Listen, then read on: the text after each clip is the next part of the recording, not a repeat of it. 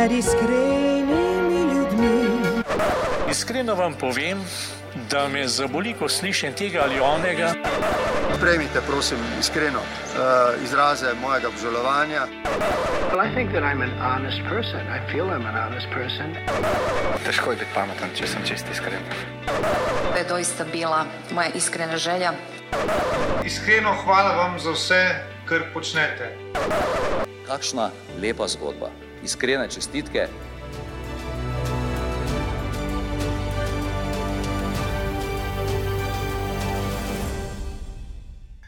Spoštovane poslušalke in cenjeni poslušalci, lepo pozdravljeni v novi oddaji najbolj iskrenega podcasta. Moje ime je Dušan Poslek in na začetku, tako le za uvod, vam lahko povem, da je moj današnji gost obenem novinar, statistik, psiholog in avtor številnih podkastov, športni navdušenec, predvsem pa ljubitelj številk v vseh možnih oblikah in obenem tudi avtor knjige Čist, Čista desetka. Toliko različnih stvari, različnih področji, obenem pa samo en gost in zato v moji družbi danes z velikim veseljem pozdravljam Slavka Jariča. Slavko, pozdravljen, dobrodošel v najbolj iskrenem podkastu. Dušan, lepo zdrav tebi in seveda enako velja za vse poslušalce tega iskrenega podcasta. Eh, Slavko, priznam, ne, da si eden izmed tistih gostov, eden izmed prvih gostov, pred katerimi imam celo rahlo takšno pozitivno tremo. Ne. Zakaj? Zato, ker eh, so bili tvoji podcasti eni izmed prvih, ki sem jih eh, sam pričel poslušati. Se bo k temu še vrnila, ne. ampak ob enem čestitke res za vse udaje, ki jih ustvariš. Ampak za začetek, ne, od vseh tvojih lastnosti, ki sem jih jaz uvodoma naštel, če bi se sam moral opisati, kaj od tega, kar sem naštel, ti je najbližje, lahko sploh kakšno izmed med lastnosti oziroma aktivnosti izpostaviš? Mm, morda še za pred začetek eh, povezava do tvojih občutij, namreč tudi jaz, kadar se lotim podcasta, nja, s kakšnim zanimivim gostom, vedno čutim neko tako pozitivno tremo. Ne? En izmed tistih uh, večnih prav vprašanj mi je bilo vedno, ali gosta tikati ali vikati. Se mi je zdelo, ker tisto, kar smo na, naučeni, morda še za zgoje, velika večina ljudi je, da če človeka tikaš, ne, da s tem morda mu ne izkažeš dovolj spoštovanja, ampak jaz sem bil vedno uh, nekako prepričan, da v bistvu največje spoštovanje v taki obliki pokažeš tem, da se na gosta dobro pripraviš. In mislim, da tudi za te to velja, glede na to, kaj vse se zdaj naštel, s čimer se ukvarjam. Če bi lahko pa za eno stvar iz, izbrati. Uh, nekaj je izobrazba, nekaj je poklic, nekaj s čim se dejansko ukvarjaš. Morda sem šele v zadnjih letih ugotovil, da morda res ta povezava s številkami uh, bi bila še morda najbližje mojemu opisu. No. In bova šla kar takoj naprej na to ljubezen do številk, ne? ampak si pa tudi eh, psiholog. Ne? Tudi kako bi, recimo, tako na prvo žogo, mogoče te s tem vprašanjem zdaj malo presenetim, ampak vseeno psihologija in številke, sploh vidiš kakšno povezavo med tem? Ja, v bistvu, v bistvu je hesno, da karkoli sem se oboje študiral, študiral sem najprej matematiko in kasneje psihologijo. Na obeh faksih je bilo veliko številk, celo več, to bo mogoče koga presenetilo, še več na psihologiji.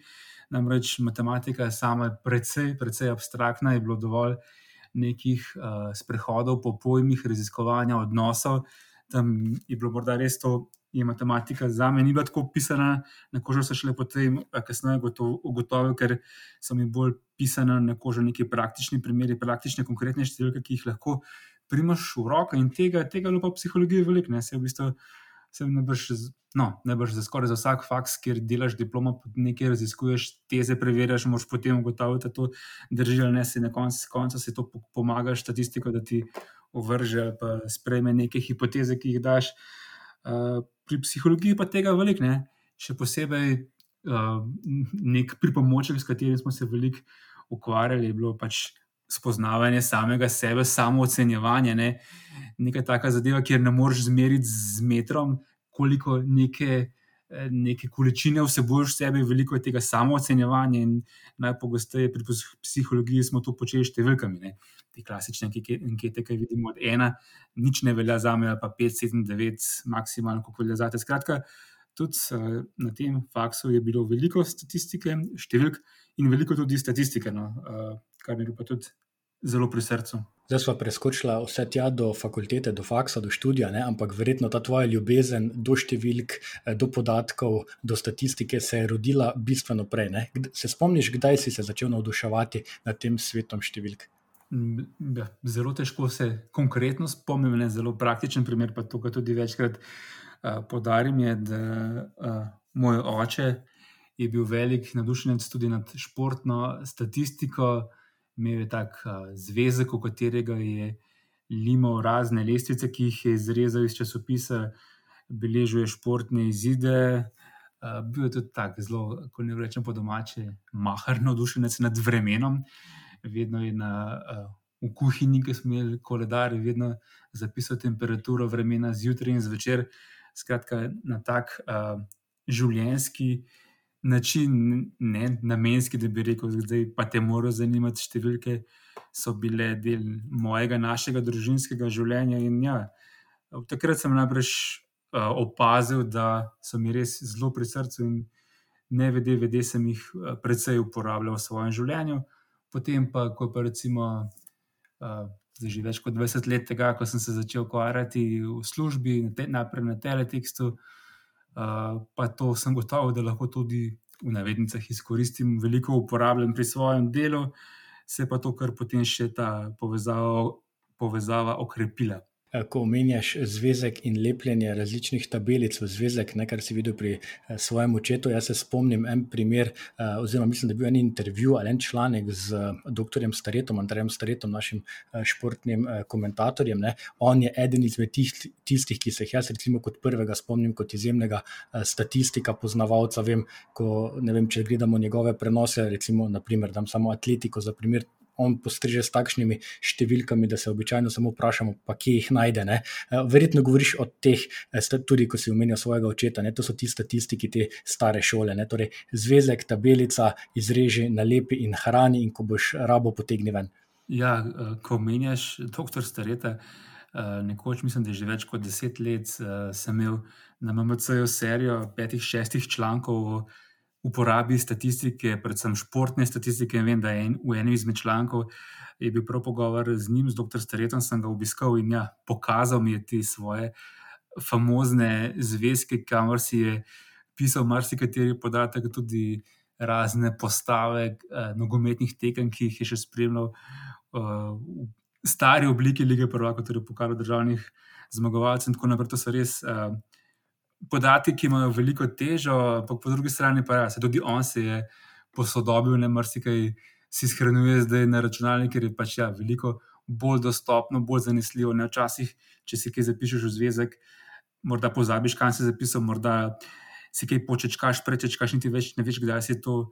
Številko posodobil, ne skratka, tudi na tem področju so ti elektronski podatki, ki jih ima marsikateri eh, ljubitelj športne statistike, tudi tukaj napredovalo in tudi eh, sam Andrej se tega zdaj poslužuje poslužuje v elektronski obliki. Ja, um, statistika in novinarstvo. Ne, sami imamo občutek, da je vedno več športnih uh, prenosov. Ne, če se ozremo recimo v NBA, ker to res izrazito počnejo, uh, tudi v Sloveniji, ne, če zdaj le pravkar minuli uh, turne, uh, kjer so v zadnjih letih res fanti delali in delate, vsi, ki spremljate, seveda, tur neverjetno uh, zgodbo in obenem so vsi ti prenosi vedno znova uh, opremljeni tudi s statističnimi informacijami, do katerih mi, navadni gledalci, gledalci, poslušalci, redko kdaj bi prišli, oziroma bi jih teže našli, ker se seveda toliko ne poglobimo v sam problem. Ne, se ti zdi, da postajata ta statistika in novinarstvo, da imata vedno večji pomen, ne, ker ni pa nujno, da je vsak novinar tudi dober statistik in obratno, ne, da bo vsak dober statistik tudi novinar.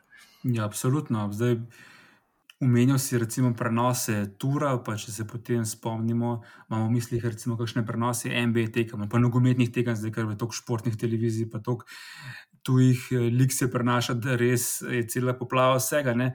Včasih se mi zdi, ne, nisem komentator nikoli bil, ampak komentatorjem recimo se mi zdi, da je to velikrat, uh, pa se bo zdaj morda želivo slišalo, ampak neko mašilo oziroma dopolnilo, nek trenutek, ko lahko, ko se morda igra na terenu, umiri, se ne dogaja nič posebnega, potem pride nek trenutek v tekmi, kjer lahko uh, komentator postreže s kakšnimi drugačnimi informacijami. Ja, so to lahko zasebnega življenja, so to pač o trenutni formi, kakšne druge novice, ki lahko vplivajo na potek tekme ali pa prihodnjih uh, prestopov, kakorkoli. In v tistih trenutkih se mi zdi, da ta statistika je lahko uh, neka dodatna informacija, ki popestri sam športni prenos. Je pa tako, uh, sam večkrat uporabim primerjavo sladkorčke, ne, ker so mi statistični podatki res ljubi, nekako slad, sladkajo uh, samo izkušnjo. Ne, ampak vemo, kako je sladkoren. Če ga zaužiješ preveč, nikoli ni zdrav. Ne? In če bi v prenosih ali pa kakšnih komentarjih pretirano se zanašal uh, zgolj na to obliko podajanja informacij, potem verjamem, da za veliko večino poslušalcev, pa bralcev, gledalcev bi bilo tega tudi preveč. Skratka, treba je po neki pametni občutku to dozirati, uh, da je na koncu tisto, čemu je namenjeno, to pa seveda končnim uporabnikom, poslušalcem, gledalcem čim bolj prijetno in zanimivo. Kje pa ti iščeš, eh, bom rekel, te svoje statistične zgodbe ali pa da rečem navdih? Ne, sej, mogoče si večina predstavlja, ne, da je iskanje eh, statističnih zgodb pač brskanje po nekih eh, številkah, ampak to ni dovolj. Ne. Ti vedno poskušaš, kar jaz spremljam, tvoje delo, tvoje članke, tvoje podcaste in podobno, iz tega izpeljati tudi neko zgodbo, oziroma iz številk delaš besede, ne, kot to sam poveš v uvodu svojega podcasta SOS Odmev.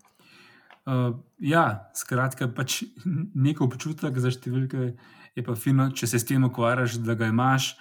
Uh, nekako veliko krat, s, s čimer se ukvarjaš, ne, že imaš neko svojo vizijo, svojo uh, razlago, zakaj se nekaj dogaja, zdaj, če govorimo o športu.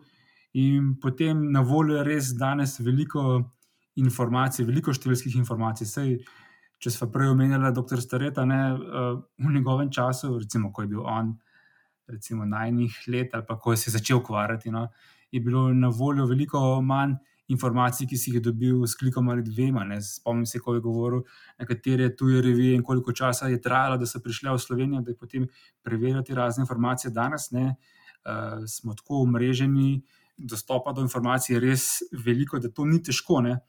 Eh, potem pa je potrebno imeti nek občutek, uh, da veš, kaj ti neka številka pove, ne, v primerjavi v, v, v sodelovanju z drugimi številkami, ko se ti izriše nek kontekst, uh, potem vse skupaj.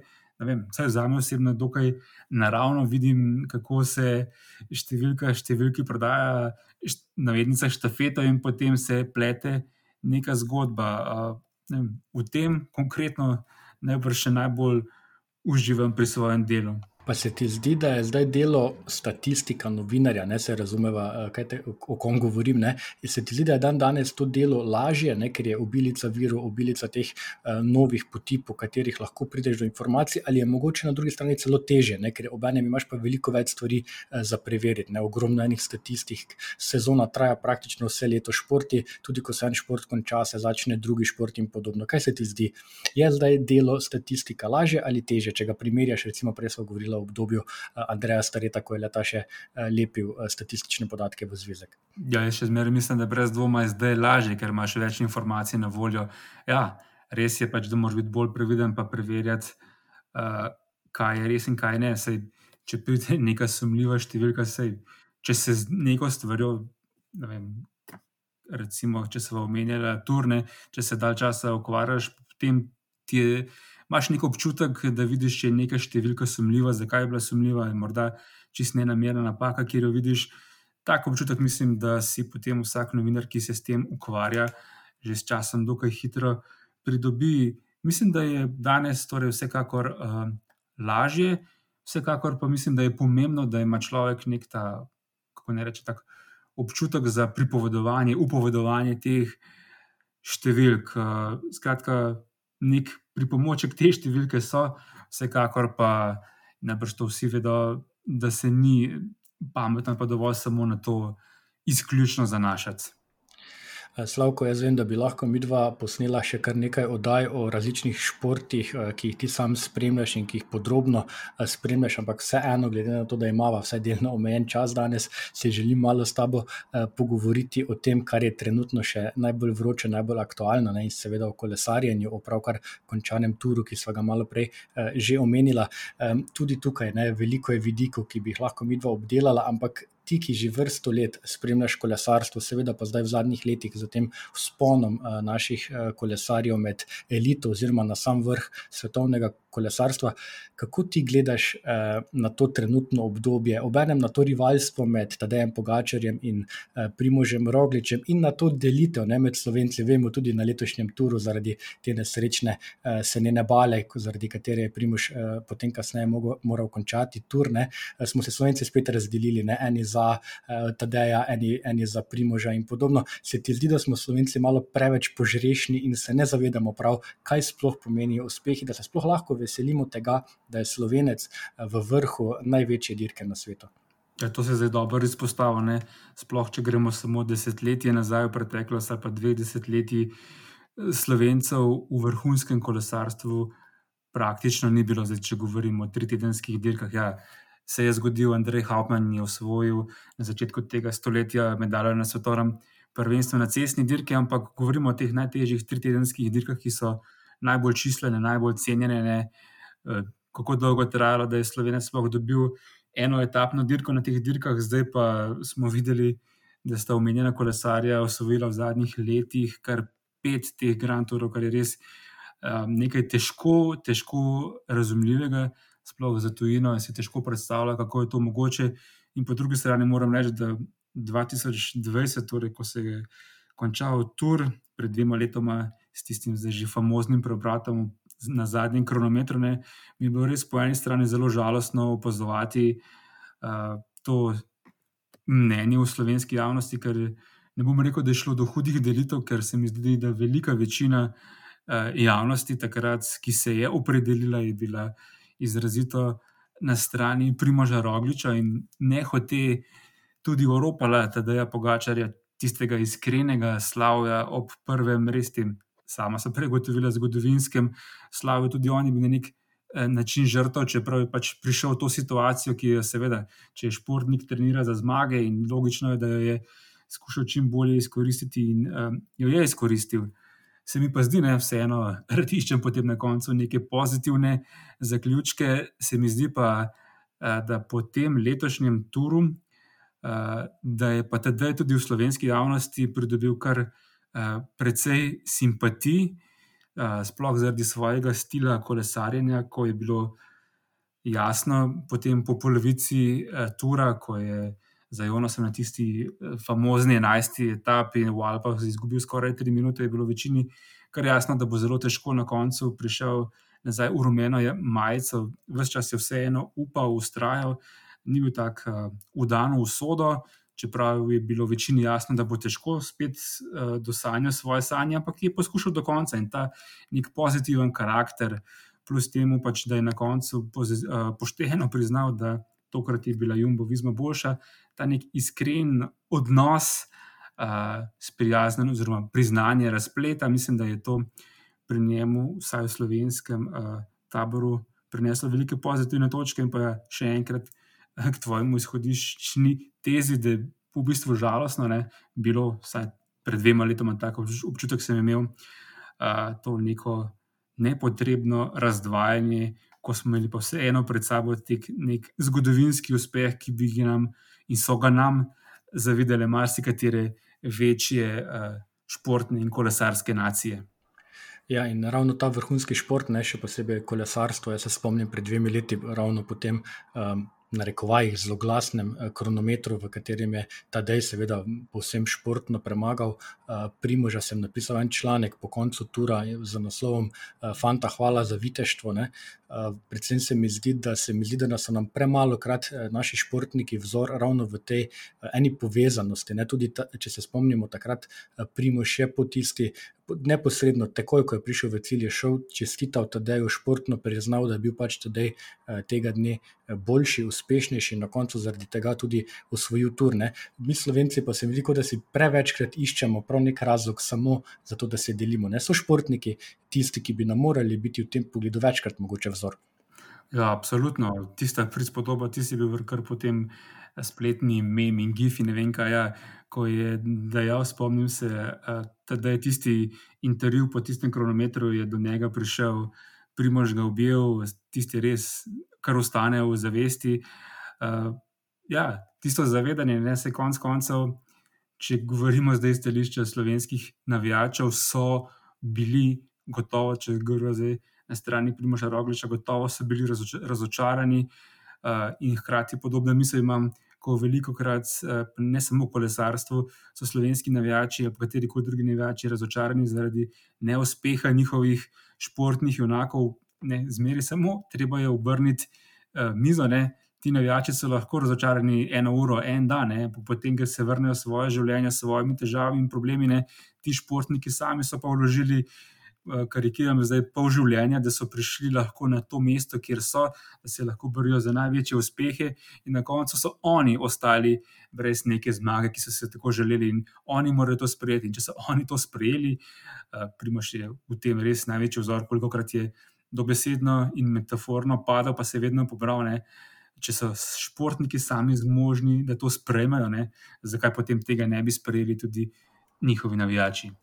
Zdaj uh, snemamo to oddajo, kot rečeno, le nekaj dni po zaključku uh, tura uradnih informacij o tem, ali bosta Primož in Tadej nastopila na španski Velti. Ni, čeprav mislim, da se je ravno danes pojavila informacija, da Tadeja tam ne bo. Uh, recimo, da tebe vprašam kot enega izmed. Uh, Rekovaj, vseeno bolje obveščenega novinarja z tega področja, kaj pričakuješ? Bo Primož šel na Velto, braniti lansko zmago, ali bo raje si vzel še več časa za okrevanje?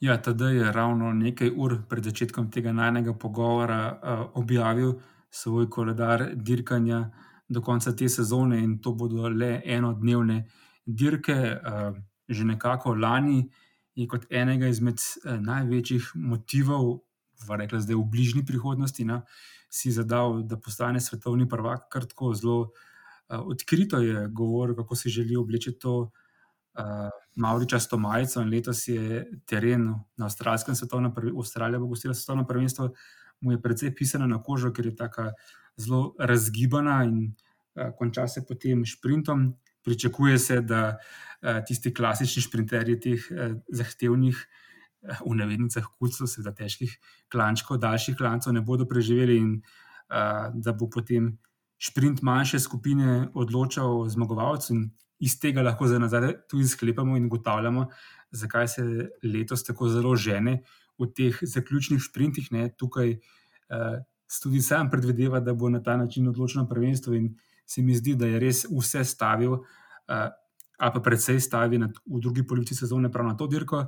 Uh, Primož je v Španiji dobil trikrat to dirko, uh, vedno v vseh sezonah je tja prišel kot neko v navednicah eh, po to lažbo. Ne? 19 je izgubil Džiro, potem v dveh naslednjih letih Tur, eh, z vednostem potem šampionsko odgovoril na svoje smole, nesreče, da ni usvojil omenjenih dirk. Eh, prav gotovo se tudi letos želi priti na to dirko, morda četrtič zapored usvojiti Vuelto, kar ni uspelo nikomor do zdaj, ampak ta padec, premenjeni Bali, ne, je bil uh, precej bolj zahteven, trd, kot se je sprva zdelo. No. Sej viri, uh, njegovi osebni, so že takoj namignili, da je izjemno hudo. Ne. Tudi sam sem nekaj dni po pacu napisal kolumno, da sem skoraj da prepričan, da dirke ne bo dokončal, ker so res bile količine izjemno hude.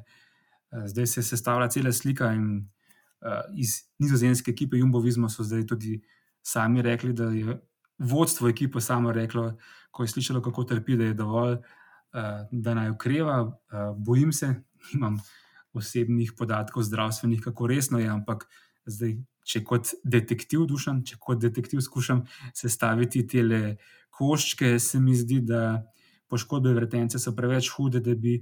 Uh, kot A, najprej ustrezno so saniral, in B, skoraj da nujno opravil vsaj krajše višinske priprave, ki so za tako dirko uh, ne nujno, ampak zelo priporočljive.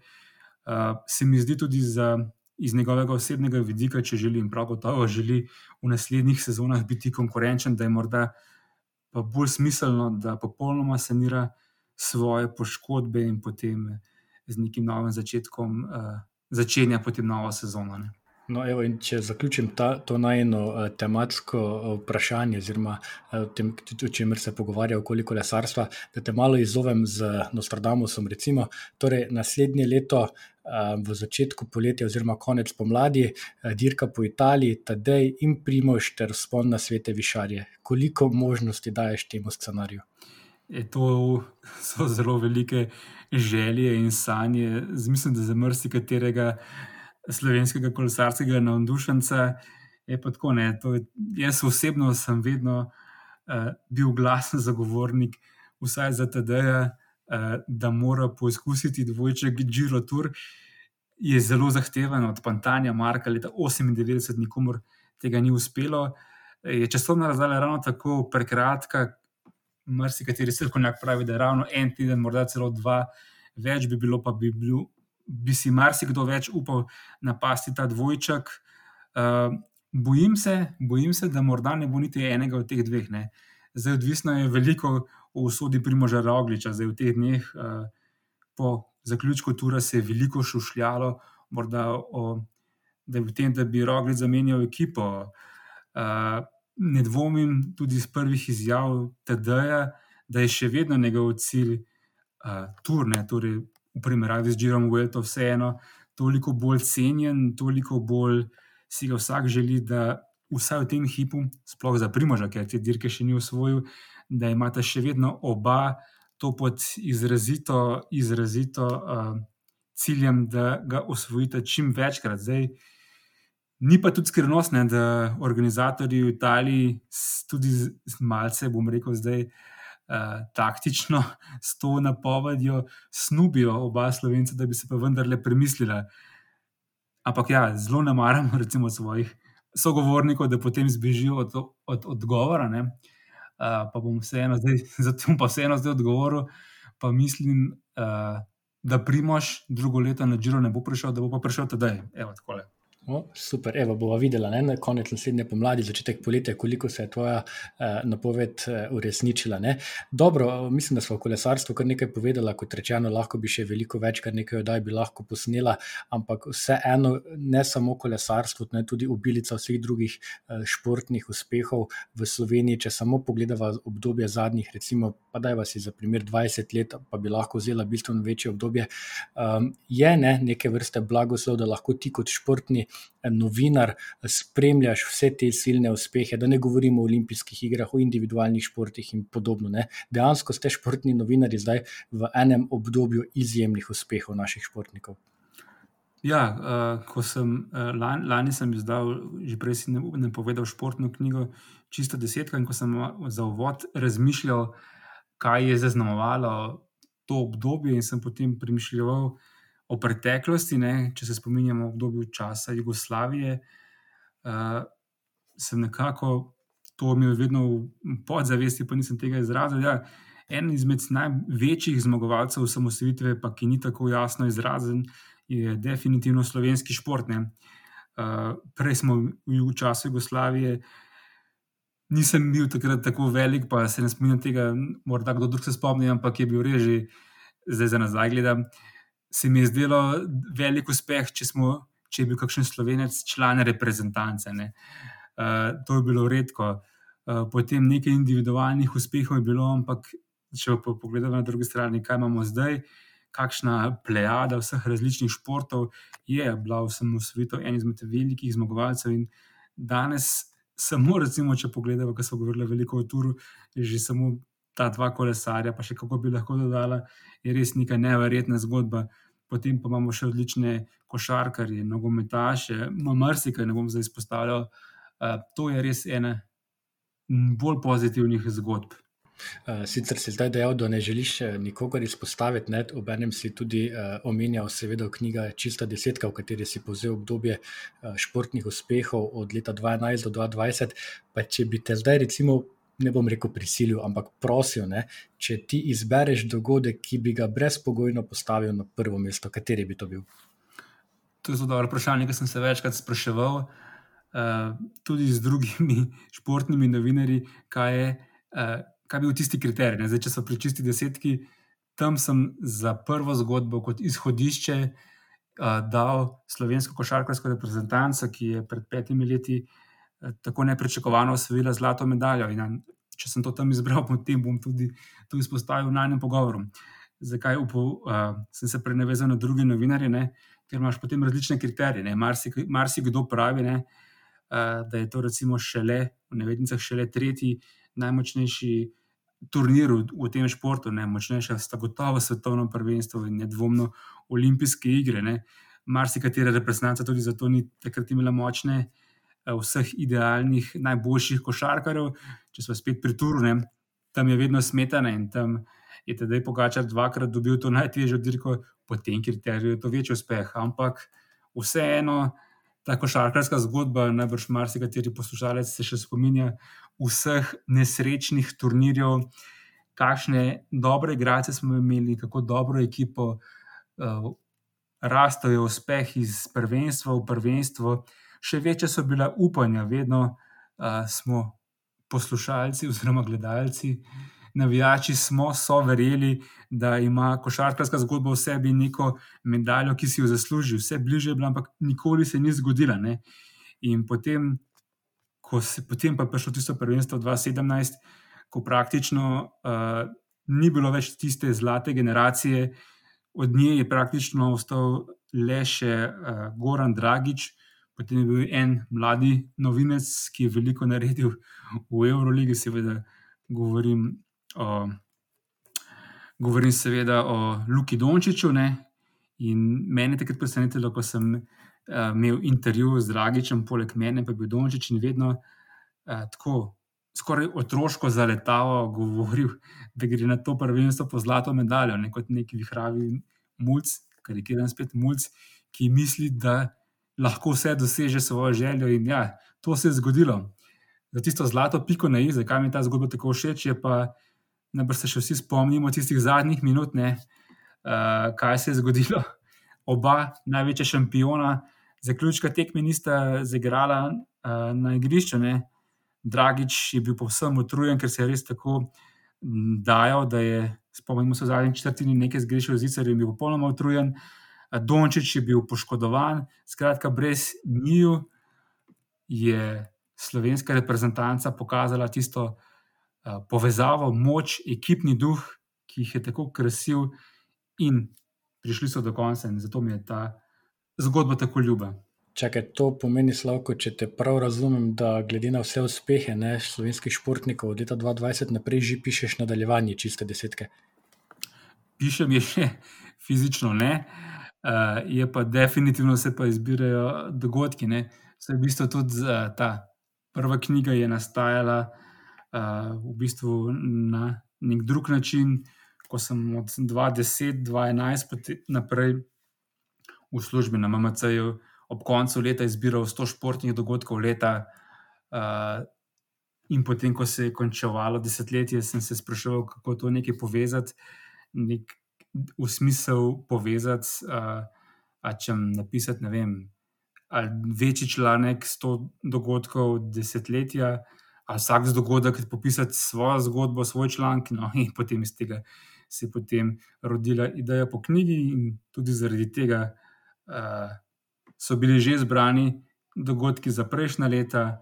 100 dogodkov, in tudi za to leto se zbira. Tako da, ko bo prišel čas, ko se bo desetletje končevalo, Eh, če bo zanimanje, si najbrž želim, priznam, narediti še eno to vrstno knjigo.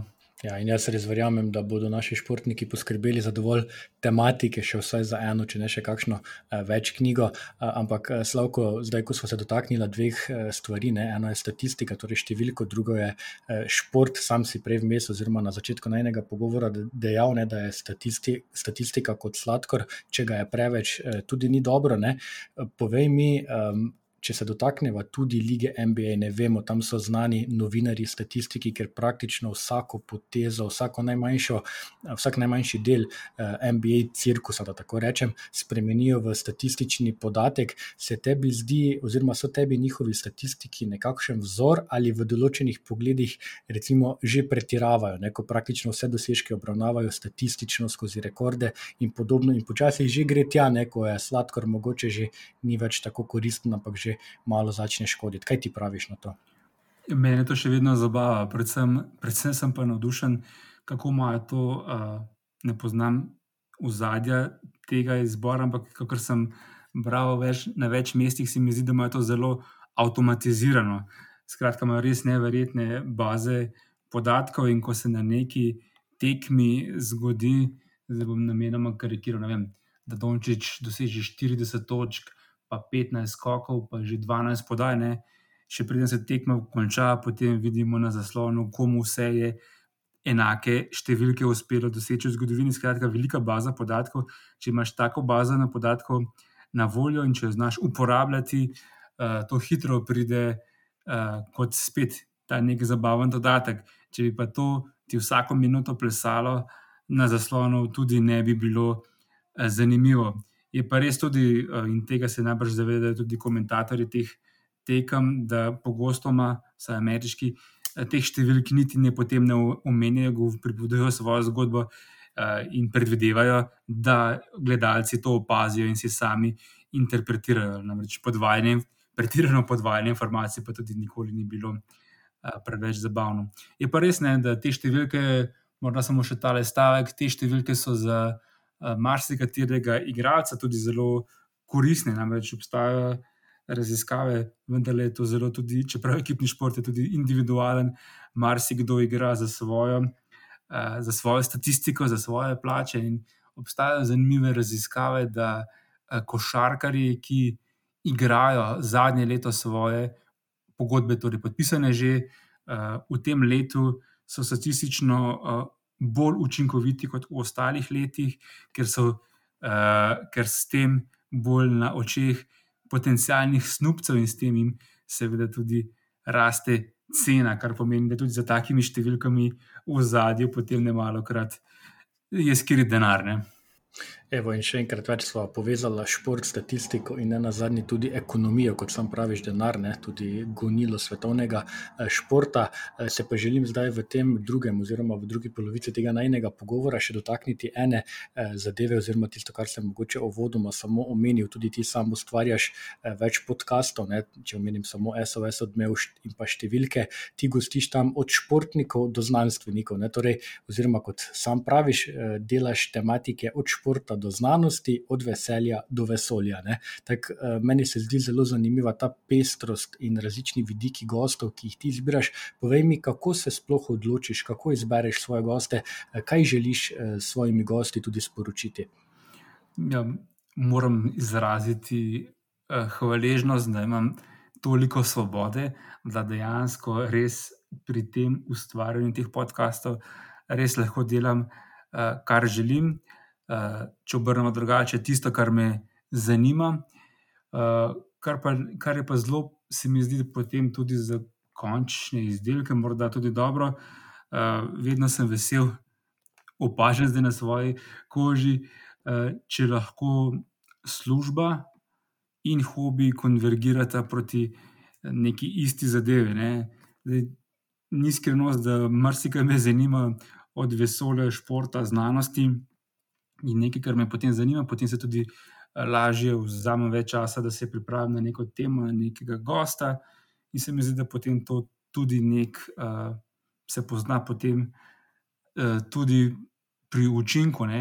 Zdaj, zanimiv mi pa recimo efekt znanstvenikov, zdaj, če se prej omenil znanstvenika, uh, ker sem nekako dobil občutek skozi ta leta, uh, da so presenečeni nad formo podcastov. Zdaj, znanstveniki vemo, kdaj so običajno uh, pozvani k mikrofonom, če malo karikiram, ko se nekaj dogaja.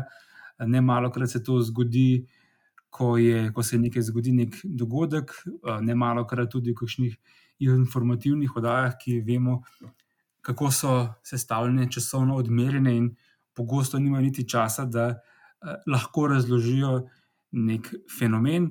In zato so mi ti podcasti tako všeč, ker načeloma tudi to ti dobro, sam veš, niso časovno omejeni. Če nisi omejen, lahko pustiš čas ogovorniku, da se vem, na eni strani sprosti, na drugi strani pa da lahko v miru razloži tisto, za kar si ga ne na zadnje tudi povabil, na kar se res spozna. In to se mi zdi tako, da rečem, dobitna kombinacija. No?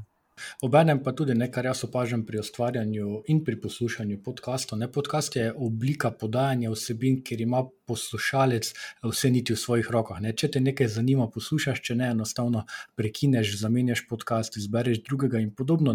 Medtem ko recimo pri teh eh, klasičnih eh, medijih, radio, televizija, ok, lahko še vedno vgasneš ne na zadnje, ne, ne rabiš poslušati, ampak sem da pri podcastih imaš res kot poslušalec tisto svobodo, izbereš, kar te zanima, poslušaš, se poglobiš in na koncu res je vsebina prilagojena temu, kar si želiš slišati. Ne? Ja, se strinjam. Je pa res, da po drugi strani je pa tudi ekonomično, zdaj govorim za poslušalce, uh, predvsej potrošna. Ne? Tudi sam, še preden sem začel ustvarjati podcaste, pa to bo zdaj že 8-9 let, sem poslušal veliko podkastov in so časovno zahtevni. Ne? Zdaj si predstavljaš nek pogovor, ki ga posnameš, lahko recimo traja ena ura, če narediš transkript, jaz ga običajno kar naredim. Za številke to lahko prebereš, zdaj kar ocenjujem malce pošaljno, 10-12 minut. Ne? In to je kar velika, uh, velika časovna razlika, sploh govorim za današnji čas, ko je pa res uh, na voljo precejšnje število podkastov. Uh, in če si naročena veliko teh oddaj, potem kar težko vse uh, poslušati ali pa konzumirati. Torej, ima prednosti, pa ima slabosti.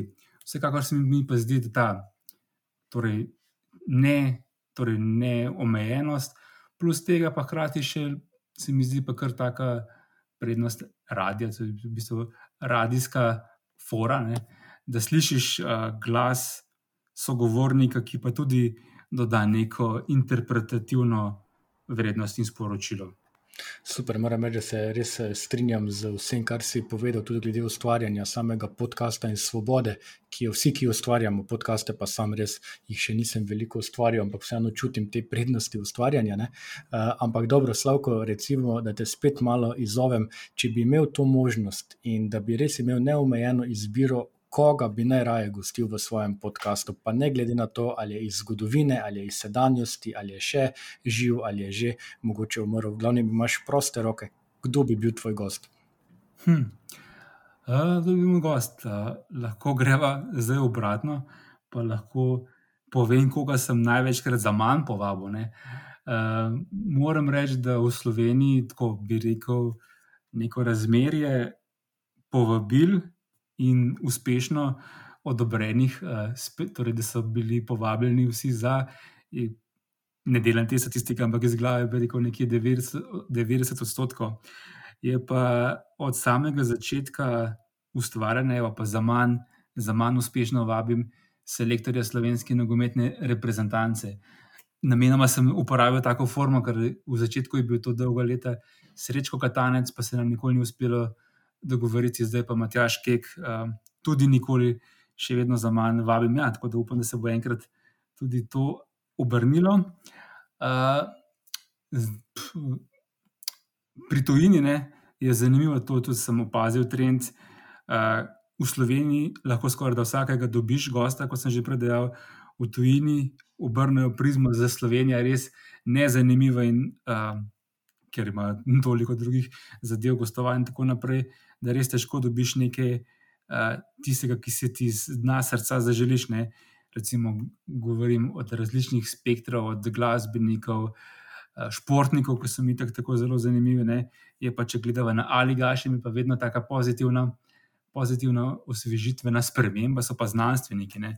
Vrhunski znanstveniki, po pravilu, uh, če imajo le čas, uh, zelo pogosto sodelujo tudi v slovenskih oddajah, ker se mi zdi, da čutijo neko poslanstvo, poklic, da njihova ukvarjanje znanostjo obsega tudi to širjenje znanosti in njihovega dela. Ampak jaz sem malce zapletel, uh, se upravičujem. Uh, niti mi ni tako zanimivo v preteklosti, koga, koga bi dobil. Koga bi si želel, bolj na tem področju, bi obrnil prizem, pa bi me zanimalo, uh, nekoga iz prihodnosti. Ne? Veliko krat se ukvarjamo, res, res, sicer nimamo imena, ampak recimo, veliko krat se vprašam, kakšno bo življenje čez 500 let. Recimo, Evo, ena velika tema so definitivno podnebne spremembe, ki se dogajajo, uh, potem raz, uh, znanost in tehnologija, kako napredujete, kako bo to šlo naprej v spregi s človekom, kako bo človek to znal izkoriščati. Kako bo to postalo del njegovega življenja. In res, to me pa res zelo zanima, kakšen bo svet čez 500 let, če bi ga še, če bi imel to možnost, da bi videl, kakšen je, če bi ga še prepoznal, če bi hotel v takem svetu živeti. Uh, ker se mi zdi, da v tem trenutku, da smo na neki točki, da lahko iz te točke gremo v več različnih prihodnosti. Eno, ki bo polna blagostanja, za res za skoraj vse, na drugi strani pa, da se bo to ravnotežje skrhalo in ne bo tako prijetno, kot je zdaj. Skratka, res me zanima, kam boš zavilo človeštvo. No, bom se dodal tukaj k tvojemu odgovoru. Ne? Eh, res je, da težko konkretiziraš, kdo bi ta gost bil čez recimo 500 let, ampak kdorkoli bo gost teh ljudi, ki bodo čez 500 let, jaz upam, da še ustvarjali eh, podcaste na tem svetu, glede na vse podnebne spremembe in podobno, eh, kam nas ta svet pelje. Ne? Obenem pa vidim, ne, ravno ta tvoj odgovor mi kaže ravno na to, ne, da imaš tako širok spekter različnih zanimanj, da že enega ključnega gosta težko izpostaviš. Obenem pa, če se vrnem na začetek tvojega odgovora, glej, mogoče bo pa uh, trenutni selektor slovenske reprezentance poslušal ta podcast, pa te bo poklical. Da, uh, če bo to naredil, uh, glej, pa smo prinesli še k nečemu dobremu. Ne? ja, sester Matjaš, ki je izjemno zanimiv človek. Ne, uh, vedno se mi je zdel kot tak mislec, ki zna uh, nekako prevzeti odgovornosti in s tem.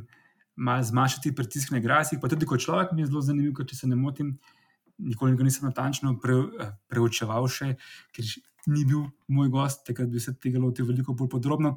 Ampak zdi se mi, da je svoj čas delal na radiju, tudi eh, da ima tako neko osebno notranjo pripovedno noto, ki bi se v nekem pogovoru znala zelo, zelo zanimivo eh, predstaviti. In ja, recimo, da je to en izmed večjih, bližnjih izzivov mojih. Evo, Tako je, ja, hvala, Slavko, evo, za tvojo željo.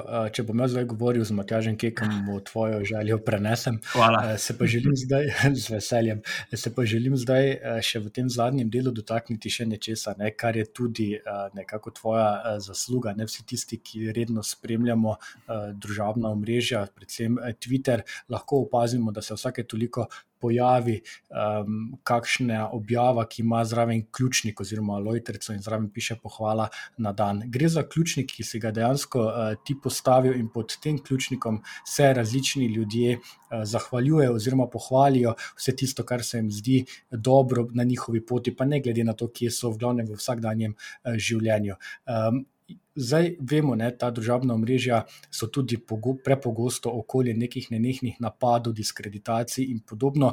Ti si pa upeljal ta ključnik, eh, kjer želiš, da se ljudje med sabo eh, malo pohvalimo. Je bilo to ravno tvoje glavno vodilo, da si želel ustvariti to nasprotje? Ja, zdaj, če omenjaš Twitter, ne, na Twitterju sem izredno rad iz tega svojega vem, novinarske prisotnosti, želje po iskanju informacij. Uh, In žal sem v zadnjih letih, pa najbrž nisem gotovo, nisem edini, opazil veliko neke negativne klime, veliko uh, kritiziranja. Ne, nič ne proti kritikam, da ne bo eh, narobe razumljeno. Kritike morajo biti sploh konstruktivne, ampak neko kritizerstvo, neko, neko čisto na osebnem nivoju žaljenja, celo in to moram reči, da mi res, res ni všeč. Uh, svet je lep, še vedno sem pripričan, da je svet lep, da je med nami veliko dobrih ljudi, ki drug drugemu pomagajo, pomagamo na majhne načine, ki niso veliki, tako drobne dejanja, ki dajo vedeti, da, smo, da je večina ljudi res v redu, da smo, da smo skupaj družba in se mi zdi vredno to poudariti. In iz tega stališča, iz tega gledišča, iz tega razloga je nastal ta pohvala na dan. In um, moram priznati, da sem vesel, da vidim, da se je kar prijel. Uh, sprva sramežljivo, potem pa sem opazil, da ko se, pa, ko se nekaj družben, večji družbeni dogodek zgodi. Ne, mislim, da so bile najprej neke poplave, pa je se kar pokazala ta človeška solidarnost, pa potem seveda veliki družbeni preizkus, težava, COVID. Uh, takrat se je to kar na veliko uporabljalo in sem videl, da je to v zavesti in sem vedno vesel ko to vidim in vedno z veseljem potem to tudi podelim naprej na svojem profilu. Okay, zdaj, za vse novinarje, ne, ki ste tako upeti v aktualno dogajanje, pa še posebej to velja tudi za športne novinarje, tebe ob tem veseli, seveda, še statistika in imaš ogromno drugih aktivnosti, še, ki smo jih na začetku naštela. Povej mi, kako pa ti ob tej obilici dela usklajuješ tudi družinske obveznosti, ne si poročen, si oče dveh otrok. Kako vidiš eh, to eh, kombinacijo oziroma eh, to usklajevanje tako poklicnih zahtev, vsega tega, kar počneš v poklicnem ali pa v tem hobi življenju, če govorimo o teh zadevah, ki te zanimajo, in pa na drugi strani eh, družine, ki pa tudi terja svojo pozornost. Ne? Ja, mislim, da z velikim veseljem. No, to mi je pa res. Uh... To mi je res veliko veselje, družinsko življenje, to vedno povem z veseljem. Uh, ni, ni, ni, ni težko, moram reči, da uh, tudi tako službo imam, da je dokaj deljena, da se lahko marsikaj tudi prenese v ure, ko so otroka v šoli, uh, marsikaj, ker ste oba radovedna, mi je tudi veliko veselje, če kaj športnega. Povem, kaj se je dogajalo, pa potem imate svoje interpretacije, potem včasih še naredite kakšno uh, dramsko upodobitev tega, da se res veliko zabavamo. Skratka, s tem, kar se ukvarjam, na, nekem, na nek način, seveda, ne enako zahtevno kot pišem in ustvarjam za, za preostale bralce, uporabnike, skušam te zanimive drobce uh, prenesti njima in tudi na ta način spoznavati ta svet. Zdaj, te dni se je dogajal veliko požar, vemo na krasu, pa smo tudi o tem govorili, zakaj bi to lahko bilo, uh, kako se širi. Čas, smo recimo 40-50 km od tam oddaljeni, se je nekaj dni videl dim, pa smo o tem debatirali. Skratka, vse te življenjske dogodke, ki se dogajajo, uh, uh, skušam nekako povezati. Mislim, da so zelo radovedna in uh, tudi to potem na nek način spoznava ta življenje. Mhm. In torej, tako kot si na začetku dejal, ne, da si prvič te statistične vidike uh, spoznaval pri svojem očetu, na nek način že delno to ljubezen prenašaš tudi na otroke. Ja, ne, to je pa kar res. Ja.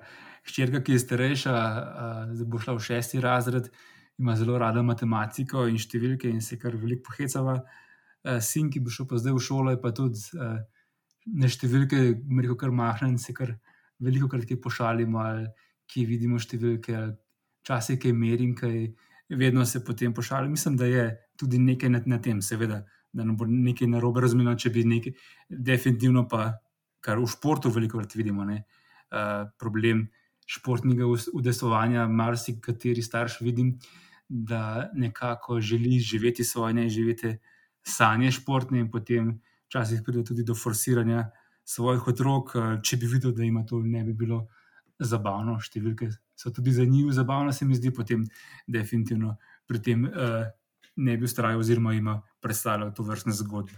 Pa se ti kdaj zdi, da recimo tako v zasebnem življenju, ko ne raziskuješ eh, za kak članek ali podobno, se ti kdaj zgodi, da tudi s tem statističnim pogledom eh, gledaš na svet okoli sebe, da kdaj začneš kar preračunavati in podobno. Vem, to je mogoče ena taka. Eh, Ena taka predpostavka, ki ni ravno pogosta, ampak vseeno me zanima. Se ti kdaj zgodi, da začnejo tvoji možgančki mleti tudi statistiko, takrat, ko to ne bi bilo nujno potrebno? Eh, veliko krat, veliko krat sem pa, evo, ena najslabša lastnost moja, glede obsesije s številkami, pa je ne, in to moje najbližje dobro vedo. Ne, da če včasih ki je skuham, ne, seveda sem potem kot tisti pijanec, ki se drži plota. Ne, in če piše, da se mora zmišljati, da je nekaj peč 20 minut pri 200 stopinjah, se bo toliko časa peklo, ne, čeprav bo evidentno, da bo prej. Malo pečeno, ali pa preveč pečeno. Torej, to priznam, da tukaj nisem na nekaj najbolj uh, najbolj fleksibilen, seveda najhujši so pa tisti recepti in tudi nekaj takih je, kjer samo piše peči do, pe, do pečenega, kar me pa zelo znervira. Ja, ali pa v smislu, da dodamo uh, malo soline in podobno. Uh, okay. uh, Slavko, evo, naj pogovor se počasi bliža koncu. Uh, zdaj tole je naša 33. oddaja, ki smo jo ustvarili na portalu iskreni.net. Zdaj ti imaš navado zaključiti svoje oddaje, svoj podcast SOS odmev na en zelo zanimiv način in sicer svojega sogovornika vedno znova izzoveš, da, se, da za zaporedno številko oddaje ponudi kakšno statistično kakšno zanimivost. Zdaj, glede na to, da je to 33. oddaja, pa jaz tebe izzovem tako na koncu, povej mi, kakšno zanimivost v zvezi s številko 33. 33. Uh, ja, mislim, da 33 je že od malih nog, ne, najbrž marsikdo ima povezavo z Jezusom, ne, 33 let. Uh, to, potem, če se ne motim, če smo še pri tej temi, da je toliko časa trajal uh, mandat Jana za Pavla I., 33 dni namreč, en izmed najkrajših. 33, prej smo govorili o Ligi NBA, ne? tudi tam imajo mars nenavadne statistike. In ena zelo zanimivih je uh, najdaljši niz zmag ene ekipe, torej, da ni izgubila. In če se ne motim, so Lakersi uh, leta 72 nanizali 33 zaporednih zmag. Evo, nekaj na kratko. Super. Evo, super, zdaj imajo najni poslušalci nalogo, da te tvoje navedbe eh, preverijo preko, preko, preko Google. Sam sem vmes to že storil in eh, kot običajno pri tebi, seveda, tvoji eh, podatki držijo. No, evo, zdaj sem še obenem poslušalcem kar povedal, da, da sem tam navedel pravilno. Dobro, evo, še, še, še ena zanimivost, če lahko ne. Uh, pri, uh, zdaj po skoraj 300 podkastov, ki sem jih posnel obe skupaj in pogosto, in to ni zdaj, da bi na ljudi gledal kot na številke. Ne, pogosto se mi zgodi, da imam še vedno povezavo gosta in številka oddaje, kateri je gostoval. Ne. 33, to dobro vem, pa da je bil gost Leonard Kučič, novinar dela takrat je bil. Uh, in ja, evo, to, da pogosto to imam še v glavi. Evo. Leonard Kučič 33. Super, evo, hvala tudi, za, tudi za, to, uh, za, to, za to statistično zanimivost. Obenem ti pa res hvala za sodelovanje uh, v tem najnem pogovoru. Res je bilo uh, prijetno. Uh, ponovadi pri gostu rečem, da imamo še veliko tem uh, za odpred v kakšni novi oddaji, pri tebi to zagotovo velja. Ne? Že danes smo nakazali, koliko je različnih področji, s katerimi se ukvarjaš in kjer um, lahko gostuješ. Tako da, uh, Slavko, hvala ti tudi za vse vsebine, ki jih podaš in s katerimi nam vsem, ki te poslušamo spremljamo, ki te spremljamo, nekako razsvetliš področja, eh, ki jih mogoče sami ne bi. Tako da res ti hvala za sodelovanje in veliko, veliko tega eh, ustvarjalnega navdiha ti želim še za naprej. Hvala, Dušan, tudi tebi za povabilo in eh, vse dobro tudi tvojim poslušalcem. Eh, ja, vsem vam, drage poslušalke, poslušalci, pa želim se tudi, kot sem se zahvalil Slavku, tudi vam, vam da ste naj spremljali v tem najnem pogovoru. Seveda ta podcast in vse ostale, ki smo jih že posneli in objavili, najdete tako na naši spletni strani, kot tudi v vseh vaših priljubljenih knjižnicah za podkaste. Evo, do naslednjič pa lepo pozdravljeni in naslišanje.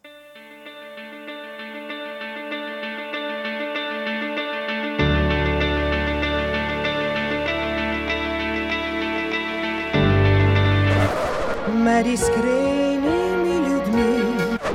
Iskreno vam povem, da me zaboli, ko slišim tega ali onega. Prejmite, prosim, iskreno uh, izraze mojega obžalovanja. Težko je biti pameten, če sem čest iskren. To je doista bila moja iskrena želja. Iskreno hvala vam za vse, kar počnete. Kakšna lepa zgodba iskrene čestitke